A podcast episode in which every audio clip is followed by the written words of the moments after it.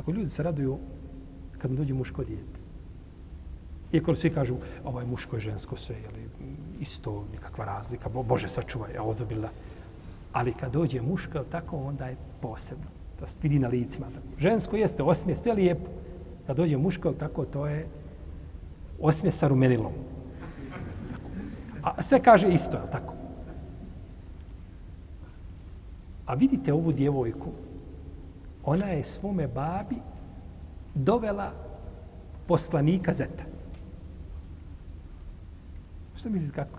Kakav je hajr imao ovaj dobri Allahov rob?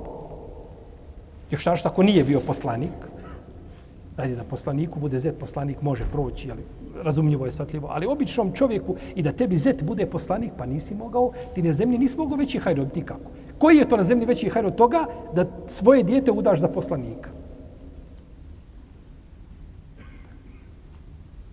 Pa čovjek ne zna šta je dobro po njega.